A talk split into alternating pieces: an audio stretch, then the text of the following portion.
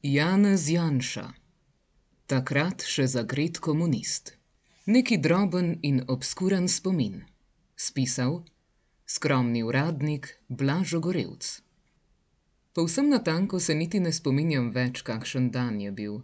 Od takrat se je pač res nakopičilo že kar precej let, toda prepričan sem, da povsem običajen. Morda je sijalo sonce, prav tako pa je možno, da so prek neba pluli oblaki. Morda je bila pozna pomlad, morda poletje, mogoče pa celo zgodnja jesen. Nekaj pa je povsem zanesljivo. Po prhkem listju in odpadlih suhih vejicah na gozdnih tleh je brez vsakega dvoma lazilo na tisoče drobnih mravljic. Včasih je prek cvetlic pijansko priplahutal kakšen metulj povsem neugledne sorte, kapusov belin ali citronček denimo.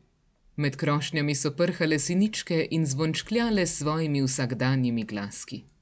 Sem pa tja je tam v temnejših globinah gmajne zateglo zažvižgala žovna ali pa visoko nad nami zamjavkala nevidna kanja. Pa po gnitju in gobah je dišalo vse naokrog, ter razne koprive, robide in lapuhi so ob stezi tiho poganjali nekam gor v zrak. Drugače pa se, pri Bogu, razen tega spokoja dolenske hoste, ni dogajalo prav nič.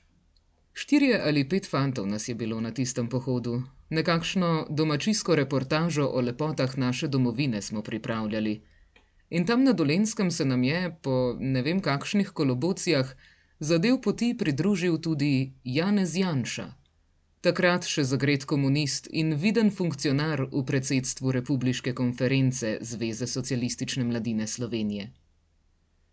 Čeprav so bili tistih dob dnevi njegove herojske slave še daleč pred obzorjem, pa se je kot veljak sicer res malo obstransko ministranske podružnice one prave oblasti takoj vendarle občutil kot nekakšen vodja. Mladina je bila takrat namreč informativno-politično glasilo, danes se temu reče trobilo, že omenjenega predsedstva RKZSMS.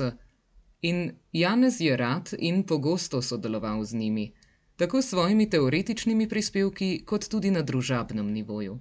Predvsem je zelo rad in tudi nad vse uspešno sodeloval z našo ekipo v malem nogometu. Spominjam se, da je izjemno dobro špricnil v napad, zato sem ga kot selektor imenoval kar Jelen moj. Njegovega mogočnega, takrat še najboljšega prijatelja Igorja Bavčarja, pa zaradi njegove izredne čvrstosti v obrambi, merjasec moj.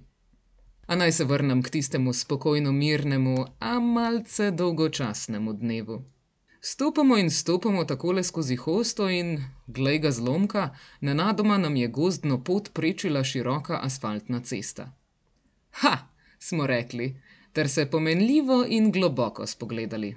Cesta, torej civilizacija. In torej tudi kakšna skromna gostilnica tudi na Dolenskem ne more biti prav daleč. V mislih pa so se nam pričele prikazovati z drobnimi kapljicami orošene steklenice hladnega piva. Korak se mi je kar sam od sebe podaljšal, a ko sem ravno kanil krepko zakoračiti na bankino, me je sunkovito zaustavil naš v obcestno ščavje previdno potuhnjeni neformalni vodja. Znaki nam je dopovedal, naj njegovemu zgledu sledimo tudi mi. Ko smo končno tako skrivnostno ždeli v jarku, vsi, ter se butasto spogledovali, je še petaje pojasnil, da ceste pač ne prečkaš tako bedasto kot čreda topoumnih ovc, na kar je po kratkem premisleku izdelal načrt. Kadar je mimo priprdel kakšen osamljen avto, smo se še tesneje spojili z leščevjem, koprivami, širokolistnimi trpotci, navadnimi repinci ter ostalo grobelsko vegetacijo. Potem pa smo se, po prej skrbno načrtovanem vrstnem redu, na znak roke našega sicer neformalnega vodje, posamič pognali prek cestišča, se po prej prejetih navodilih bliskovito zadegali v ščavje na drugi strani in z dvigom roke potrdili, da je prebeg uspel.